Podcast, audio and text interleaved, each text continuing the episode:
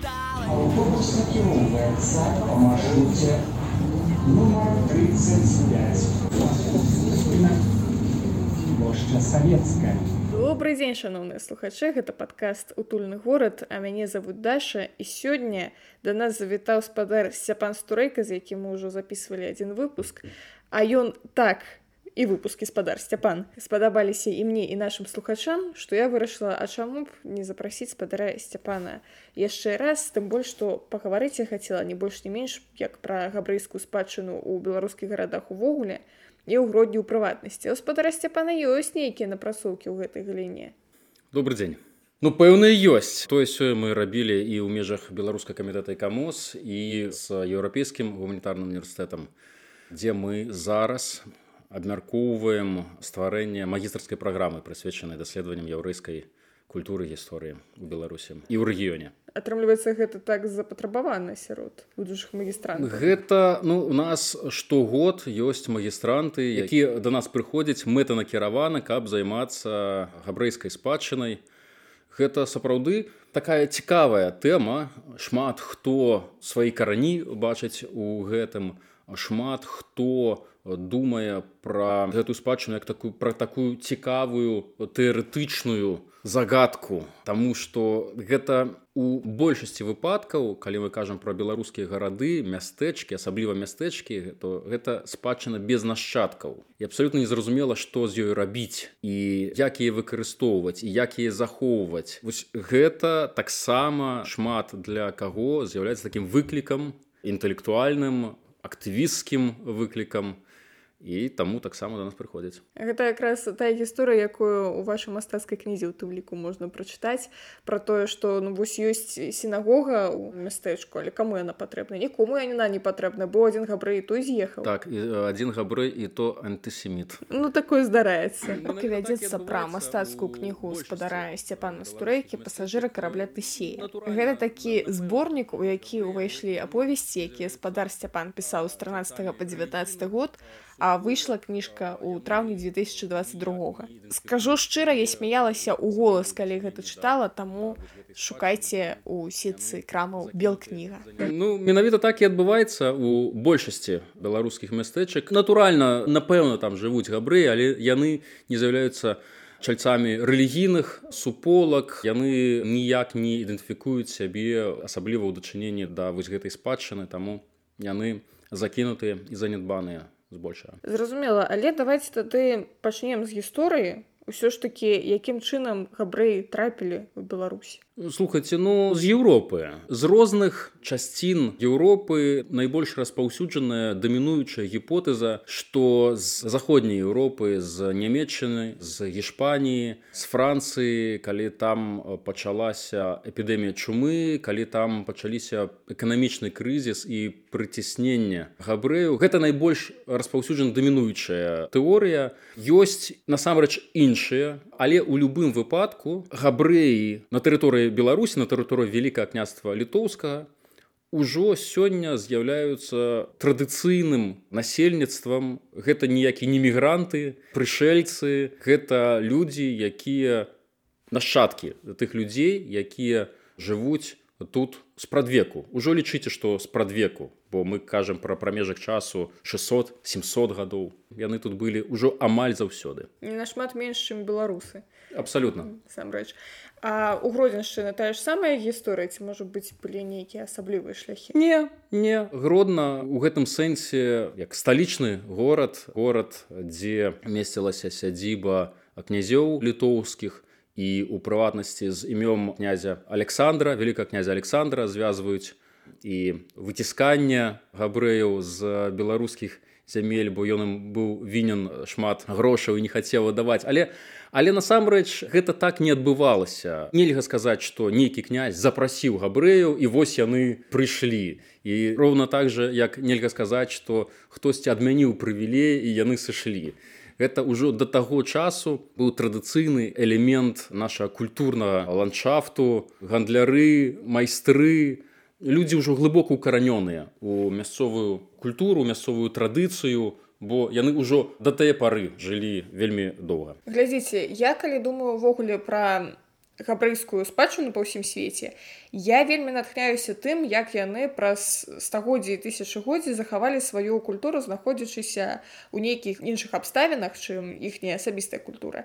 І вось у мяне пытанне калі габрэі знаходзіліся ў гэтай беларускай прасторы ўсё ж такі яна на іх уплывала ці яны так кансерватыўна і закансервавана жылі што нават і не вельмі? По-рознаму але канешне канешне ж уплывала і я б сказаў што габрэя не адзіная такая этнічна рэлігійная група якая ну, цыганя наступны вельмі яскравы прыклад.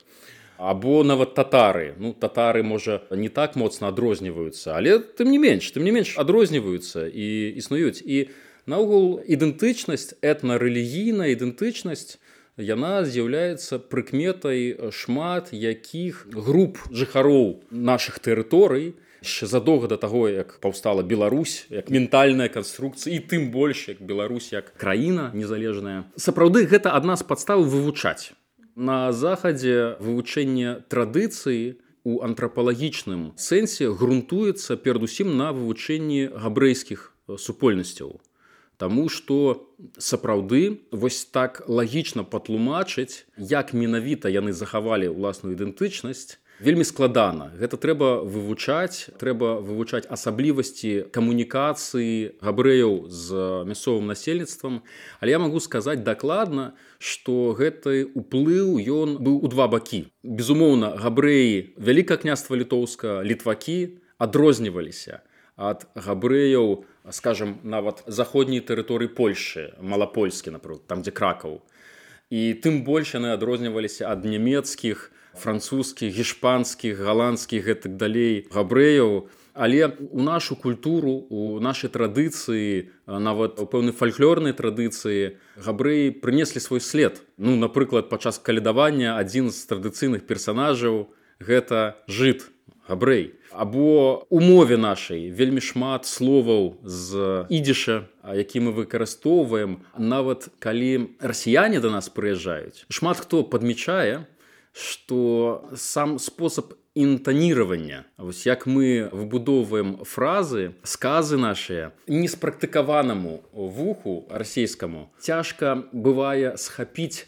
інтанацыю і вось такое тыповае яны запытваюцца А вы сцвярджаеце ці пытаецеся бо вы... это павышэнне так, тону так, так, так так так. Ёсць падставы думаць што гэта адна з праяваў такіх доўгіх кантактаў таксама з габрэямі. Таму што габрэі гэта не проста нейкая там група некая частка насельніцтва. Напрыклад у гарадах гэта да 50соткаў і больш Таму фактычна беларускія гарады гэта габрэйскія гарады. І ў гэтым сэнсе таксама тады развагі пра беларускую спадчыну і пра габрэйскую спадчыну набываюць там новае вымярэнне. Таму што калі мы кажам, што габрэйская спадчына гэта вось ну сінагогі, малельныя дамы, гэта ўжо з нашага боку ідзе спрашчэння, аграмадная колькасць будынкаў была пабудаваная менавіта на грошы габрэйскіх гандляроў майстроў ну любых заможных людзей хто знайшоў спосаб успадкаваць або зарабіць гэтыя грошы.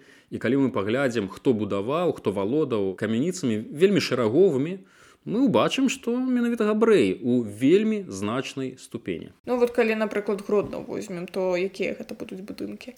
Я не магу сказаць канкрэтна гэта вялікая частка наших будынкаў.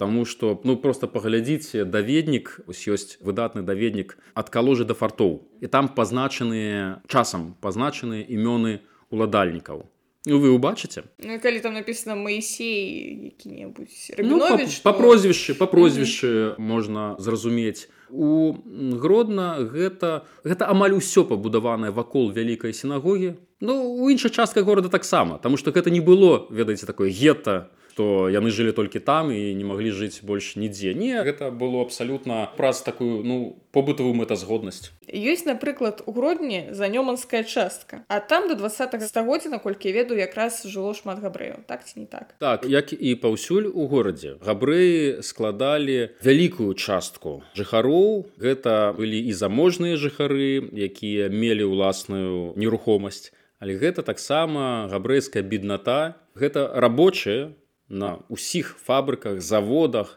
Таму адпаведна таксама дзе былі фабрыкі заводы там больш-менш каб зручна было яны маглі сяліцца так. Я ўжо разумею што тут нельга казаць што адзежылі габрэі там што калі гэта больш за 50 адсоткаў жыхароў то як бы тут нельга сказаць што вось мы падзялілі карацей. Па левым беразе нёмана жывуць габрэі а па правым беразе ўсе астатнія. Дык вось зноў ж вяртаючыся да гэтай занёманскай часткі там у наколькі я ведаю месцілася сінагога і такі рабін ісхак кофман лічыць што каб увекавечыць памяць аб'ектаў якія не захаваліся трэба ну хаця б усталяваць нейкія стэнды там нешта вось вось такое можа быть нават аднавіць. Гэта ўжо лічыць не спадар равін гэта ўжо я кажу. Дык вось як вы думаеце ці ёсць увогуле сярод турыстаў дзеля якіх гэта ўсё ўласна робіцца нейкі спецыфічны попыт на гэтую беларускую габрэйскую спадчыну шмат гадоў я ваюю за такім падыходам з такім поглядам на габрэйскую спадчыну. Таму што казаць пра турыстаў у гэтым кантэксце мне здаецца контрпрадуктыўным. Таму што апеляцыя да турыстаў прыводзіць да перакладання адказнасці і бяздзеяння. Гэта агульны спосаб разважання пра габрэйскую культурную спадчыну асабліва ў райцэнтрах, у невялічкіх мястэчках. Калі мясцовая адміністрацыя розныя райвыканкамы дамы культуры і гэтак далей яны ўвесь час апелююць да таго што ну напэўна варта тут нешта зрабіць мемарыялізаваць ці нешта аднавіць. І тады турысты з Ізраіля злучаных штатаў і ў прынцыпе калі гэта для іх цікава то мы тады не супраць каб яны уклалі грошы у тое каб гэта ўсё аднавіць бо у нас грошаў няма а гэта іх спадчына ім цікавая. І тут губляецца суб'ектнасць беларусаў. Тут губляецца ось такі момант які звязаны з асэнсаваннем культурнага ландшафта месца дзе дзе мы живвем я думаю что гэта наша роля наша функцыя асэнсоўваць гэты ландшафт цаніць кожную культуру і кожную асаблівасць гэтай прасторы гарадской прасторы напрыклад і ставіцца да яе паважліва шукаць навошта нам гэта можа быць патрэбна. І калі нам гэта будзе патрэбна і мы будзем ладзіць мерапрыемствы праекты звязаны з мемарыялізацыяй музіфікацыяй аднаўленнем ваджэннем экскурсіі гэтак далей. І калі гэта будзе патрэбна беларусам калі беларусы будуць атэйсамляць сябе з таксама гэтымі людзьмі з тым што у шырокім сэнсе яўрэйскае насельніцтва з'яўляецца продкамі сучасных беларусаў нават нягледзячы на халакост нават нягледзячы на пасляваенную іміграцыю вялікай колькасці рэшткаў габрэяў у ізраільці ў злучаныя штаты Амерыкі. Ўсё адно гэта тыя людзі якія будавалі гэтыя гарады працавалі на гэтых прадпрыемствах стваралі іх. І сёння мы жывем на тым што у тым ліку яны з'яўляючыся значнай часткай насельніцтва гэтай гараду зрабілі. Мы мусім знайсці спосаб патлумачыць нам самім і тым з беларусаў каму гэта дасюль чамусьці незразумела што гэта значная вельмі значная частка нашай культуры спадчыны спадчыны беларускай або можна сказаць спадчыны ў беларусі якой мы мусім апекавацца дзеля саміх сябе І вось калі мы сапраўды гэта ўсё будзем рабіць, тады і замежнікам будзе нашмат цікавей, бо яны глядзяць не на рэшткі старых камянёў, а яны глядзяць на культуру. Та тая культура, якая ёсць сёння. Калі у нас будзе нармальна пастаўленая мемарыяльная культура, палітыка памяці, у дачыненні да гэтай катэгорыі спадчыны, паверце турыстам таксама спадабаецца яны таксама прыедуць просто не турысты мусяць быць нашим прыярытэтам то бок мы павінны сыходзіць неяк ведаеце на рынку так давайте прааналізуем нашу мэтавую аўдыторыю хто тут до нас зараз прыедзе якія каналы сувязі. Мы павінны ўсё ж таки сыходзіць з нейкіх іншых прыярытэтаў агульна кажучы так. Ну безумоўна гэта не адмяняе што ёсць пэўная зацікаўленасць сапраўды ёсць розныя крыніцы фінансавання гэтых аб'ектаў гэтай спадчыны і сапраўды часам можна дзесьці карыстацца ізраільскімі грашыма або амерыканскімі. Гэта ўсё не адмяняе. Сапраўды трэба таксама думаць браць пад улік і магчымыя турыстычныя то бок бізнес інтарэсы просто гэта не мусіць быць на першым месцы і мне здаецца што нават і не на другім Таму што калі так глядзець то ў нас вось у большасці спадчыны беларускай не толькі габрэйскай а ўсякай рознай. Ну каму гэта патрэбна? Ну дзе гэта будзе попыт? Ну так у нас ніякай спадчыны не застанецца. Можна і так сказаць да. А увогуле ёсць усё ж такі адзін аб'ект які ўжо стаў цэнтрам прысягнення турыстаў і даследчыкаў і усіх каго толькі можна гэта наша гродзенская сінагога. Я нават памятаю быў у яго студэнцкі праект год таму напэўна вось прысвечаны менавіта гродзенскай сінагозе дзе распавядалася яе гісторыя не паказваючы сам будынак. Вось так так. файны быў праект. Роўна год таму была яго прэм'ера. Тут маецца на увазе такі праект экстэрмінацыя гэта была такая аўдыовізуальная інсталяцыя пра вялікую харальную сінагогу гродзенскую. Аўтаркай гэтага праекта была спадарня ксенія шталенкова лектарка ЕГУ а мастачкай і прадюсаркай Вікторыя Богданович студэнтка ЕГУ дарэчы быў даволі файны праект можете пачытаць пра яго на сайце ЕГУ так і вось у мяне пытанне А чаму гэтая грозенская сінагога? Вось яна дагэтуль адыгрывае ролю такога ну цэнтра культуры неафіцыйнага. Там ладзяцца ўсякія імпрэзы выставы канцэрты студэнты робяць пра яе праекты. Чаму што і такога унікальнага па-першае гэта прыгожа па-першае гэта сапраўды выдатны з архітэктурна гледзяшча будынак адна з перлінаў архітэктурных мастацкіх нашага горада там натуральна што ён прыцягвае ўвагу але таксама не менш важна пазіцыя адміністрацыі пазіцыя тых хто лічыць што сінагога мусіць быць цэнтрам адным з цэнтраў грамадскага жыцця у горадзе. Разумееце? Сінагога у іудаізме гэта не тое самае што царква або касцёл у хрысціянстве. Сінагога гэта толькі будынак. Гэта традыцыйна гэта пляцоўка. Гэта месца для збора. У вузкім сэнсе сінагогай называюць грамаду. То бок грамада іўдзеяў якія збіраюцца рэгулярна каб маліцца ну і розныя рэлігійныя абрады там розныя рэчы выконваць. У вузкім сэнсе сінагога гэта яны. Куды яны прыходзяць там і сінагога. Дзе яны моляцца там і сінаг бо сінагога яны. Просто былі традыцыйна месцы якія былі абсталяваныя адмыслова каб гэта было зручна для ўсіх. І чым багацейшая была супольнасць вось гэтых людзей якія моляцца тым багацейшыя будынкі у якіх уласна кажучы гэта адбываецца. Можа не надта карэктна будзе казаць але вось так для бегучай размовы гэта ну амаль што клуб. Бо у сінагозе нават і не толькі маліліся. Там і бібліятэкі былі і і ладзіліся іншыя кшталту мерапрыемствы. І часам дзелавыя угоды заключаліся у сінагозе людзі там сустракаліся. То бок гэта такі цэнтр грамадскага жыцця жыцця вось гэтай канкрэтнай грамады. І таму калі сёння габрэйская суполка у грод ну, шчасце на ёсць але она не такая ўжо і вялікая.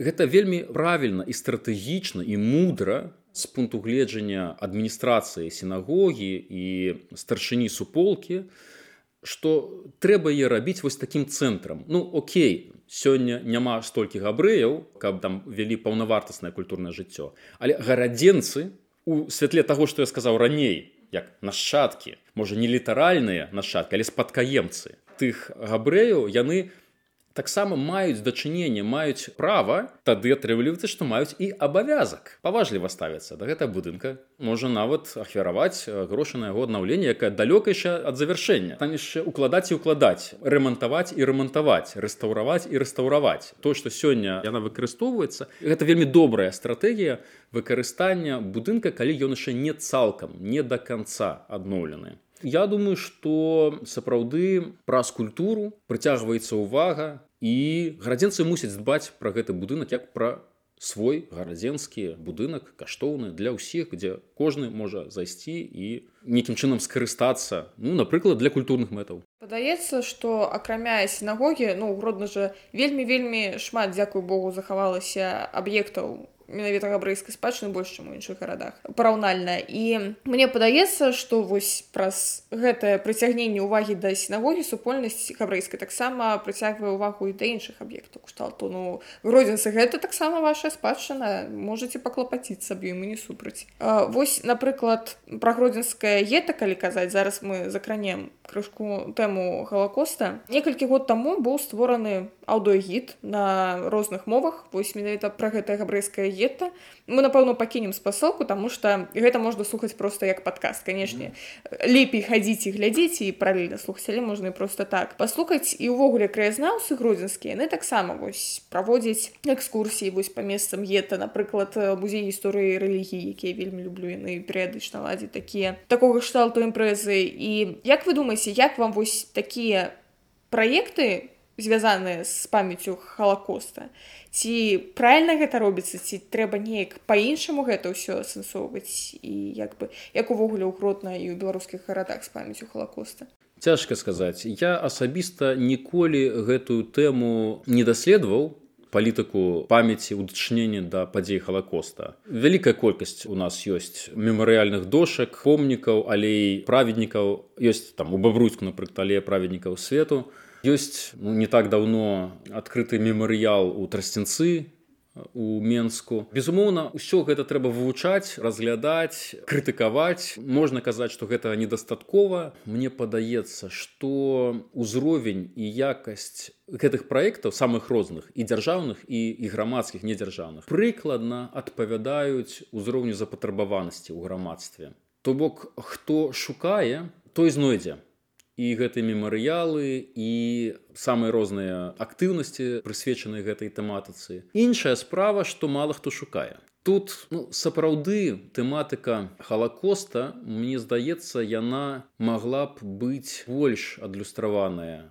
і у школьнай праграме і ва універсітэцкіх праграмах скажем нават у экскурсійнай прапанове бо калі мы паглядзім пералік экскурсій якія нашыя гіды прапануюць турыстам то там спецыфічных спецыфічнай габрэйскай тэматыкі ну, вобмаль недавно калегі з мінску рабілі адпаведнае даследаванне год ці два гады таму і лічылі там апынулася что ну нельга сказаць каб гэта зусім не было але гэта вельмі мала так что прынцыпе проекты арыентаваныя на шырокі распаўсюд ведаў про халакост про то что адбылося яны заслугоўваюць падтрымки заслугоўваюць асаблівай падтрымки гэта гэта было б правильно Сёння яны ніяк не стымулююцца. Сёння фактычна яны развіваюцца па-за палітыкай, па-за палітыкай памяці. Прычым пад палітыкай памяці маю навазе не толькі тое, што дзяржава робіць ці стымулюе, але і тое, што робіць незалежная частка культуры нашай складанае пытанне но я думаю что я думаю что з часам такі проектаў будзе больш я спадзяюся на гэта увогуле што датычыцца менавіта палітыкі памяці калі прыгадаць што напісана ў нашых школьных падручнікаў на гэты конт там ж не напісана што на гэтым як бы не акцэнтуецца ўвага што беларускія гарады яны менавіта былі такімі габрэйскімі месцамі. Таму што там напісана кшталту ну значная колькасць насельніцтва гэта былі габрэі вось толькі іх працэнтаў было ўсё яшчэ былі татары яшчэ там быў яшчэ хтосьці. Вось па-першае ну і мне падаецца менавіта праз гэта мы не адчуваем гэта як часткай сваёй спадчыны. Увогуле мне падаецца што важна зараз канстравацца на тым што вось такі этнаканфесійны састаў нашых гарадоў ён не спрадвеку быў такім. Гэта ну апошні там 70 год 80. такі які мы сёння маем. Так. Так гэта сапраўды гэта вынік вайны у прамым сэнсе гэта вынік другой сусветнай вайны Таму што халакост ось тыя самыя 50соткаў не 50соткаў габрэяў а 50соткаў жыхароў наших гарадоў а часам больш. Ізноў жа у выніку падзей другой сусветнай вайны паўстане дзяржавы Ізраіль прыцягнула рэшту тых хто выжыў. Можна сказаць што канчаткова наш этнаканфесійны ландшафт так бы мовіць сфарміраваўся у у пасляваенныя гады я б сказаў што у 80-е 90-е гады нават. Бо гэта апошняя такая вялікая хваля міграцыі з беларусі габрэяў да гэта 80 90 гады. Ну мне падаецца яны частку значную нашай культуры так крыху з сабою везлі. Ну глядзіце это э, вельмі цікавая тэма. Я вось напрыклад зараз працую над э, гісторыяй захавання культурнай спадчыны ў беларусі калі мы паглядзім напрыклад на праектныя інстытуты якія ў тым ліку займаліся пытаннямі зберажэння архітэктурнай спадчыны беларускіх гарадоў паглядзім на імёны прозвішча архітэктараў і кіраўнікоў ну мы ўбачым кім былі гэтыя людзі. Калі потым мы паглядзім чаму яны перасталі працаваць у пэўны час у гэтых інстытутах? Таму што яны з'ехалі яны эмігравалі хтосьці у штаты хтосьці у Ізраіль менавіта можна сказаць што сапраўды гэта высокакваліфікаваныя спецыялісты архітэктары людзі творчых прафесій людзі якія ведалі замежныя мовы чыталі літаратуру прыўносілі сюды еўрапейскія пэўныя напрацоўкі І вось калі ім дазволілі з'ехаць, калі з'явілася такая магчымасць, яны неадкладна з'ехалі. Мы згубілі. Сёння вельмі лёгка перакладаць тую сітуацыю 80-х 90-х гадоў на сённяшнія падзеі. І вось мы разумеем, якая гэта трагедыя для нашых гарадоў для нашай культуры. І я думаю, што нават і лічбы будуць сувмерныя. Ведаеце, мне падаецца, што тыя людзі, якія выязджалі ў 80 90 яны ўсё ж такі не мелі на ўвазе, што яны могуць неяк вярнуцца кшталту нешта зменіцца ў краіне мы вернемся. Большасць тых хто зараз выязджае яны ўсё ж таки маюць у сябе ну, гістарычнай перспектывы паглядзім. Так. сёння ну сітуацыя выглядае так. На жаль так. Калі вяртацца менавіта да габрэйскай спадчыны ў грудні у мяне не так даўно быў выпуск пра могілкі ў горадзе. Мы у тым ліку закраналі габрэйскія могілкі увогуле там іх стан і каштоўнасці прыйшлі. Да такой высновы што габрэйскія могілкі ў грудні яны вядома каштоўныя але ў даволі благім стане. Як так апынулася? Зноў жа каму сачыць за магіламі? Няма каму па-першае. А па-другое ёсць яшчэ розныя погляды у іудаізме на могілкі. Адзін з такіх поглядаў што іх лепш не кранаць не чапаць бо могілкі гэта адзінае святое месца то бок вось сінагога не з'яўляецца такім святым месцам сінагога это просто будынак просто коробка. А вось могілкі гэта сапраўды такое сакральнае месца ў іудаізме так трэба пра яго памятаць трэба там пэўныя супраць аварыйныя працы праводзіць але по вялікім рахунку рэстаўраваць могіл хаця сёння напрыклад у магілёве яны рэстаўруюцца ёсць таксама такі погляд такая практыка ну там рэстаўруюцца перадусім найбольш каштоўныя такія з мастацкага пункту гледжання над магілі у гродна не ведаю як зараз але прынамсі да недаўняга зусім часу там быў стораж. Яны абнесеныя заборам туды няма проста увахода гэта не тое што яны закінутыя. І ў прынцыпе такі стан ён усіх задавальняў. То гэта адпавядае як багабрэйскай іудэйскай культуры і традыцыі. Скажем так гэта не не з'яўляецца чымсьці што моцна непакоіць ну такі буйных прадстаўнікоў яўрэйскай грамады тых хто прыязджаюць з Ізраіля. Мне не здаецца что там калі там пэўны час скарочаная стаўка гэта стоража ну некалькі гадоў таму ну вось можа 34 гады таму ну нешта такое. Але ў прынцыпе да недаўняга часу ну там быў адказны чалавек які гэтым займаўся і у сітуацыі ну зноў жа адсутнасці грамады там же да недавнего часу і нават пахаванні адбываліся рэдкія адзінкавыя але тым не менш так что ну гэтая сітуацыя яна адлюстроўвае бягучы стан рэчаў это яшчэ зусім не самая кепская сітуацыя вось глядзіце наконт таго што могілкі гэта святое месца напрыклад у грудні грузінцы турысты любяць пагуляць у па каталіцкіх могілках старых. І гэта ну напэўна не тое каб каб людзі да гэтага вельмі добра ставіліся казалі так малайцы давайте хадзіце па могілках але і ніхто на гэта не крыўдзіцца. Ну прытамсі як бы там каталіцкай супольнасці праваслаўная. Крышку гэта дзіўны занятак лічыцца але ну прынамсі гэта нікога не абражае. А вось як наконт габрэйскіх могілак? Я спадзяюся нікога не абразілі калі б тут туды прыйшлі паглядзець на гэта. Ну калі з культурнымі мэтамі нават і не ўяўляю каго б гэта магло абразіць. Гэта агульнасусветная практыка вадзіць экскурсіі на гэтай могілкі вывучаць іх на любыя могілкі. Тут габрэйскія могілкі не з'яўляюцца нейкім выключэннем. Прынцыпе сітуацыя калі на ўскрайку мястэчка могілкі парослыя травой і там ходзяць козы. Сёння вы можете такое бачыць у беларусі паўсюль нават я бы не сказаў што гэта нетыпічная сітуацыя і ў гістарычным сэнсе бо ёсць адпаведныя працы ну, таго ж шагала іншых мастакоў габрэйскіх якія паказваюць што прынцыпе сітуацыя не надта змянялася.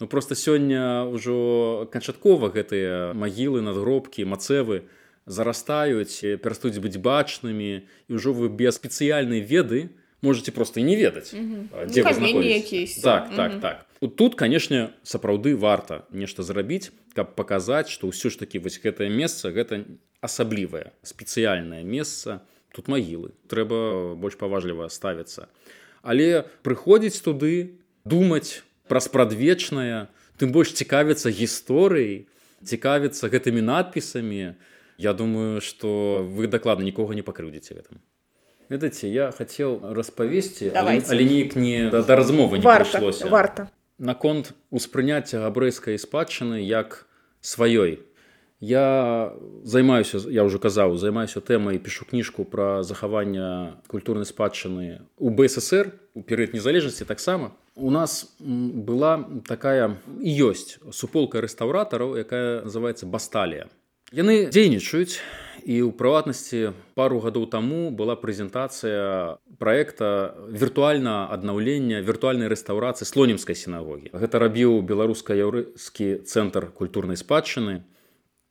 І вось гэта менавіта гэтай рэстаўратары мастакі рэстаўратары яны займаліся графічнай адпрацоўкай у 3D вось гэтых усіх элементаў.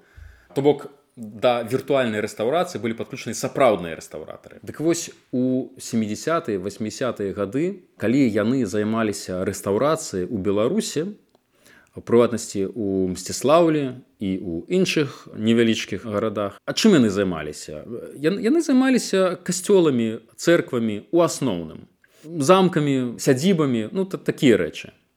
Але ім вельмі важна было зразумець мясцовы ландшафт культурны. Зразумець што за людзі хадзілі як унутр гэтых касцёлаў так і вакол іх. Што за гукі там насіліся што за песні спяваліся і ўнутры і навокал.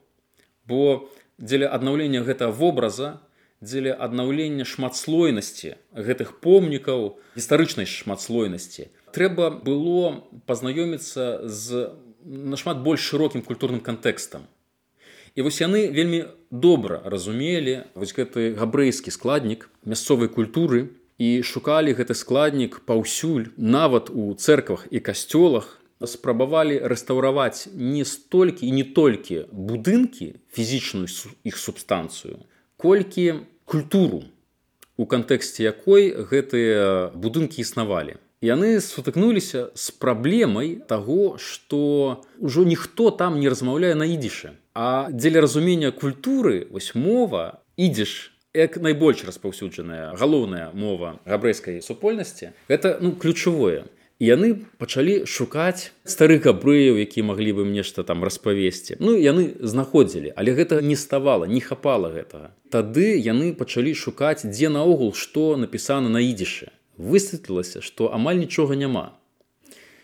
І тут в савецкім саюзе выходзіць трылогія владимира іліча брежнева якая апісвае ягоныя? Брежнеў быў, канешне, Леонід. новая земля там іншая якая апісвае ягоныя працоўныя і баявыя подзвігі партыя і ўрад савецкі прымае рашэнне перакласці гэтыя кніжкі на ўсе мовы савецкага саюза а у далёкай рассіі там на далёкім усходзе ёсць яўрэйская аўтаномная вобласць яўрэйская аўтаномная вобласць горадам бірабіджанам і адмыслова для іх робіцца гэты пераклад.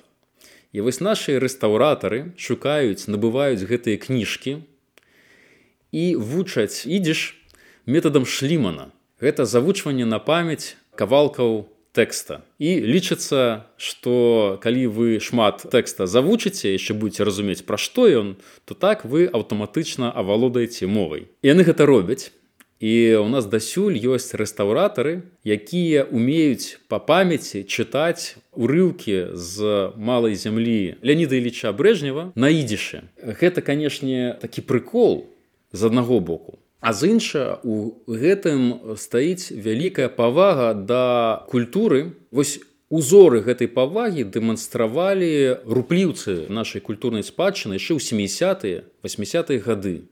Сёння гэта сышло сёння вось такая культура удумлівая стаўлення да культурнага асяроддзя стаўлення да помнікаў да спадчыны іх разумення расчытання з розных бакоў яна амаль сышла нават сёння мы казалі да про турыстаў о давайте для турыстаў нешта зробім пра нейкі там хуткія праекты мемарыялізацыя там гэта патрэбны экшн вось такога удумлівага падыходу нам вельмі не стае я думаю что просто развіццё яго падыхода. Яно адразу дасць плады у сэнсе разумення гэтай спадчыны у сэнсе разумення ўзаемасувязі паміж беларускай яўрэйскай польскай рускай украінскай культуры у наших гарадах. Гэтага нам сапраўды не стае ну але мы працуем на гэта добра я спадзяюся што калі ў егу з'явіцца магістрская праграма па габрэйскай спадчыне гэта будзе але мы брэжнева не будзем дакладна цытаваць вычыць на памяць.